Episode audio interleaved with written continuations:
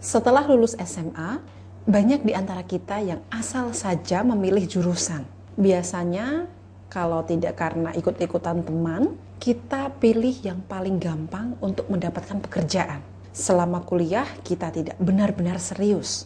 Sekedar memenuhi absen, kemudian ikut ujian, wisuda, dan segera menitipkan lamaran ke semua perusahaan yang kira-kira sedang membutuhkan. Kita tidak berpikir apakah perusahaan ini sesuai dengan latar pendidikan kita atau tidak.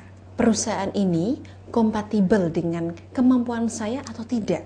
Saya suka bidangnya atau tidak. Yang ada di pikiran kita hanyalah yang penting segera dapat kerja. Urusan bahagia atau tidak difikir belakangan. Urusan cocok atau tidak nanti dulu. Dan benar saja, yang terjadi selanjutnya adalah kita dapat pekerjaan yang zong, tidak sesuai dengan jurusan yang memaksa kita untuk di training lagi dalam perusahaan. Setelah beberapa tahun berjalan, karir kita stuck, performa tidak meningkat, gaji hanya di situ-situ saja. Skill tidak bertambah dan setiap hari banyak tekanan. Target kerja juga semakin mengerikan Kemudian mengeluh di media sosial karena pekerjaan tidak sesuai dengan passion. Mau resign dengan pekerjaan tapi takut dan juga ragu kalau nanti setelah keluar sulit untuk mendapatkan pekerjaan baru. Kalaupun dapat, bagaimana nanti kalau pekerjaan yang saya dapat ini lebih buruk dari pekerjaan yang lalu? Serba bingung kan?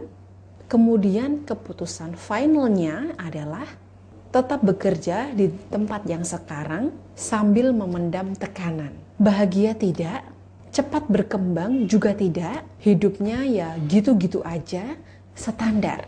Dan tahukah Anda, ini adalah akibat dari kurangnya sekolah dan juga perhatian orang tua terhadap pentingnya mengembangkan bakat yang ada di dalam diri anak-anak.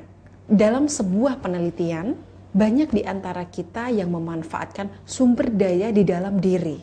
Hanya sebanyak 20% saja. Sisanya yang 80% masih terpendam. Karena memang kita tidak sadar kalau ada sumber daya kita yang banyak di dalam diri kita.